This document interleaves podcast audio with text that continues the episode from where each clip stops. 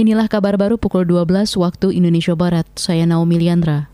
Efektivitas mekanisme penyampaian pengaduan dugaan tindak pidana atau whistleblowing system masih diragukan, padahal banyak kementerian lembaga sudah memiliki sistem ini.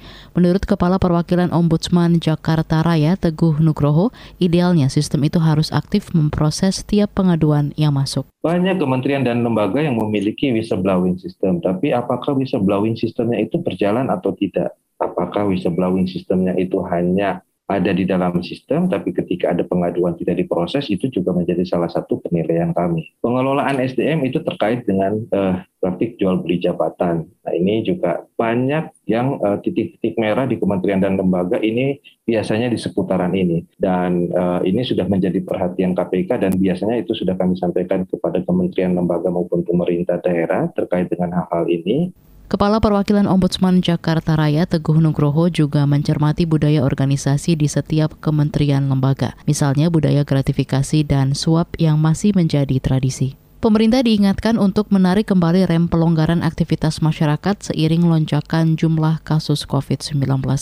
Menurut anggota Komisi Kesehatan DPR Rahmat Handoyo, langkah itu dimaksudkan agar masyarakat semakin ketat menerapkan protokol kesehatan.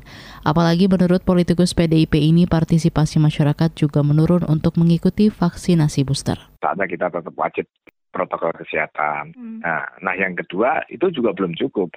Perlu adanya tracing yang ketat, kemudian ada surveillance yang uh, semakin masif. Karena dengan data yang saat ini sesuai dengan para ilmuwan, para akademisi menganggap bahwa bisa dua tiga kali lipat. Karena karena yang OTG juga banyak, yang gejala ringan juga tidak mau ke fasilitas kesehatan untuk di lakukan uji tes juga nggak mau. Nah ini juga menambah laju eh, apa namanya penularan. Anggota Komisi Kesehatan DPR Rahmat Handoyo menambahkan, pemerintah perlu mengevaluasi penetapan level PPKM termasuk di Jakarta.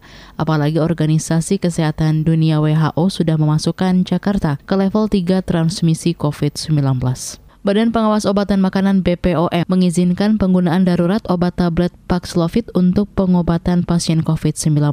Obat terapi antivirus itu dikembangkan dan diproduksi oleh Pfizer. Kepala BPOM Penny Lukito dalam rilisnya mengatakan obat tablet Paxlovid terdiri atas Nirma Trevlir 150 mg dan Ritonavir 100 mg. Obat itu untuk pasien dewasa yang tidak memerlukan oksigen tambahan dan berisiko tinggi menjadi kasus berat. Penny menjelaskan pemberian Paxlovid secara umum aman dan dapat dapat ditoleransi.